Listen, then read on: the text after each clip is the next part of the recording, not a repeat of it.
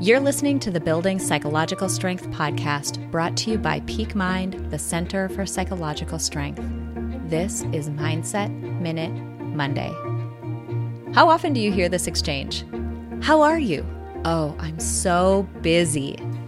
It seems like we're so busy that we don't have time to do the things that are truly meaningful to us. I recently read the book Curating Your Life by Dr. Gail Golden, and in it, she suggests approaching your commitments like a museum curator approaches the selections that will go into a new exhibit. They approach it with care, with intention, and with the acknowledgement that not everything can go into the exhibit. What if you approached your life like a curator? What belongs and what doesn't? Try this out and see how you feel.